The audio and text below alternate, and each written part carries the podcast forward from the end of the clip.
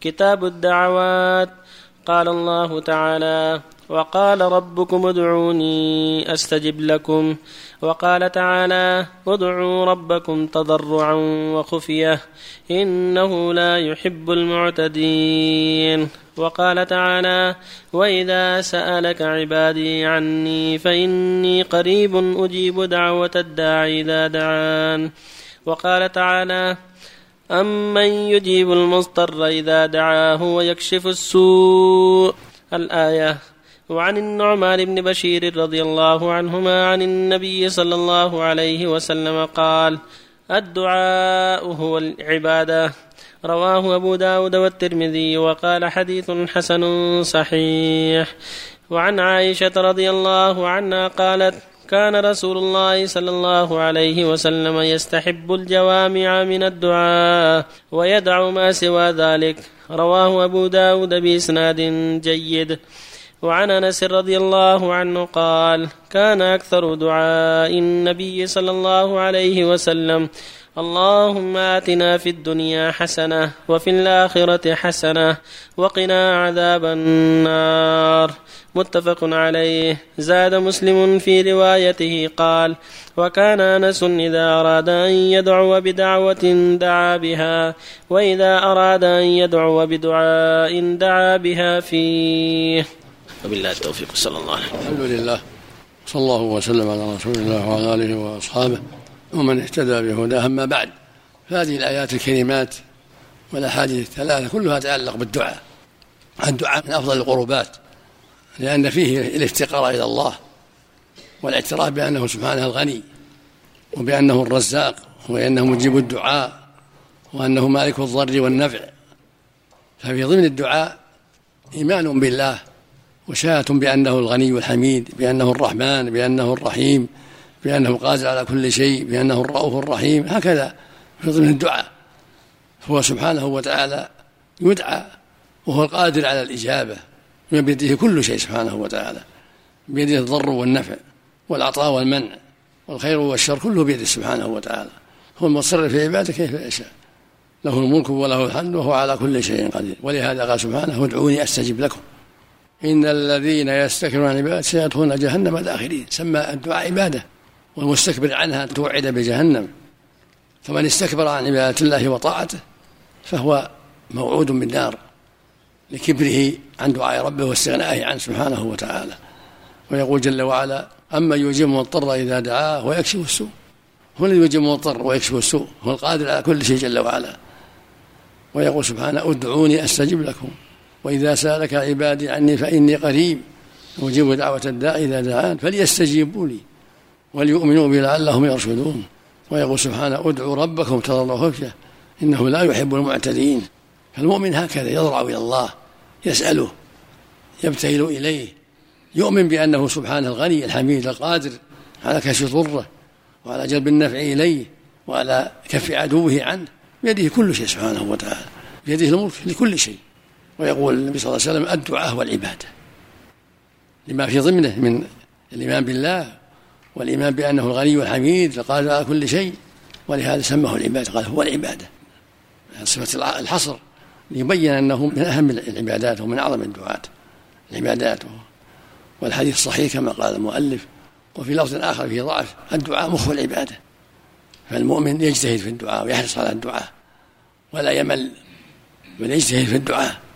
وكان صلى الله عليه وسلم يستحب جوامع الدعاء كما قالت عائشة رضي الله عنها. يستحب جوامع الدعاء ويدعو ما سوى ذلك. يعني يستحب الدعوات الجامعة التي تغني عن دعوات كثيرة. مثل ربنا آتنا في الدنيا حسنة وفي الآخرة حسنة وقنا عذاب النار. هذا من جوامع الدعاء. وكان هذا أكثر دعاء النبي عليه الصلاة والسلام كما قال أنس. مثل قوله صلى الله عليه وسلم لعائشة قولي اللهم إنك عفو تحب العفو فاعف عني. مثل سؤاله الجنة وتعوذ من النار اللهم إني اسال الجنة وما قرب إليها من قول وعمل وعليك من النار وما قرب إليها من قول وعمل. ولما قال الرجل يا رسول الله إني لا أحسن دندنك ولا دندنة معاذ ولكني أسأل الله الجنة وأعوذ به من النار. قال حولها ندندن. فهو صلى الله عليه وسلم يعتني جوامع الدعاء تجمع الخير كله فالمؤمن يتحرى ذلك يتحرى جوامع الدعاء فيدعو بها. اللهم إني أسألك رضاك والجنة وأعوذ بك من سخطك والنار. اللهم أصلح قلبي وعملي. اللهم أنجني من النار. اللهم اغفر لي وارحمني. من هذا دعاء؟ يقول اللهم اغفر لي ذنبي كله دقه وجله وأوله وآخره. وعناته وسره فهذا من الدعوات الجامعة. نسأل الله للجميع التوفيق وصلاح النية والعمل الاستقبال قبل في السفر؟ إذا كان في السفر له يصلي على الدابة في النافلة والفريضة إذا دعت الحاجة أما في النافلة يصلي في السفر والحرم يصلي في السفر فقط. أما الفريضة لا لابد يقف يستقبل القبلة إلا عند الضرورة مثل سيل الحدرة مطر فوقه. يصلي على الدابة ويستقبل القبلة. واجب. بالإيمان بالإيمان كما فعل النبي صلى الله عليه وسلم. استقبالها واجب؟ واجب. في الفريضة. أما في النافلة يصلي جهة سيره. في النافلة على دابته وسيارته جهة السير. وإذا أحرم القبلة يكون أفضل. ثم يستقبل جهة السير. قال أنس كان صلى الله عليه وسلم إذا حضرت النافلة استقبل القبلة ثم توجه إلى جهة سيره عليه الصلاة والسلام. هذا أفضل. وإن صلى إلى جهة سيرة مطلقة ولو في أول الإحرام فلا بأس. كما أخبر عامر بن ربيعة وغيره وأنس وغيره. أخبروا أن صلى الله عليه وسلم كان في السفر يصلي إلى جهة الصلاة يعني في النافلة. أما الفريضة ينزل في الأرض يستقبل القبلة ويركع ويسجد. لكن عند الضرورة في الفريضة لا بأس يصلي على الراحلة ويستقبل القبلة ويوقف الإبل. إذا لم يستطع ينزل مثل المطر وأرض من تحته يستسيل. مثل مريض مربوط على الدابة ما يستطيع ينزل. مريض أو خايف لو نزل يخشى يصلي على الدابة إلى جهة القبلة.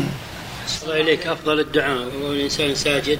مثل ما قال صلى الله عليه وسلم أقرب ما يكون عبد ربه هو ساجد فأكثر الدعاء رواه مسلم في الصحيح. في الحديث الآخر يقول صلى الله عليه وسلم أما الركوع فأعظموا فيه الرب وأما السجود فاجتهدوا في الدعاء. فقبل يعني حري أن يستجاب رواه مسلم أيضا. وفي آخر الصلاة قبل أن يسلم محل دعاء أيضا. بين السجدتين رب اغفر لي دعا مع المغفرة لا بأس. أحسن الله سواء كان في الفريضة أو في النافلة في الفرض والنافل نعم. في الفرض والنافل صلى الله عليه وسلم المعتدين شيخ الآية. المعتدين اللي يدعو بالإثم وقطيعة الرحم. قال بعض السلف إذا رفع صوته من غير حاجة. لكن الحقيقة أن الاعتداء هو الذي يدعو بإثم. مثل يدعو إن الله يعين على الزنا أو على السرقة. هذا اعتداء. أو يدعو على الناس بغير حق يدعو على غيره بغير حق. هذا إثم أو على أرحامه بغير حق هذه قطيعة رحم. يقول صلى الله عليه وسلم ما من عبد يدعو الله بدعوة ليس فيها إثم ولا قطيعة رحم إلا أعطاه الله بإحدى ثلاث. الجهر بالدعاء من غير سبب تركه أولى أحمد لأن بعض السلف جعله من الاعتداء إذا رفع صوته. أما إذا كان إمام يرفع صوته مثل في القنوت قنوت النوازل قنوت الوتر الإمام يرفع صوته في الخطبة يدعو حتى يؤمن عليه. لكن دعاء وحده إذا كان وحده السنة السر في سجوده أو في آخر الصلاة أو في غير ذلك. الإسرار أفضل كما قال سبحانه ندعو ربه تضرعا وخفيا الله سبحانه قوله يا شيخ وإذا كان يدعو بدعاء دعا بها فيه. يعني أنس.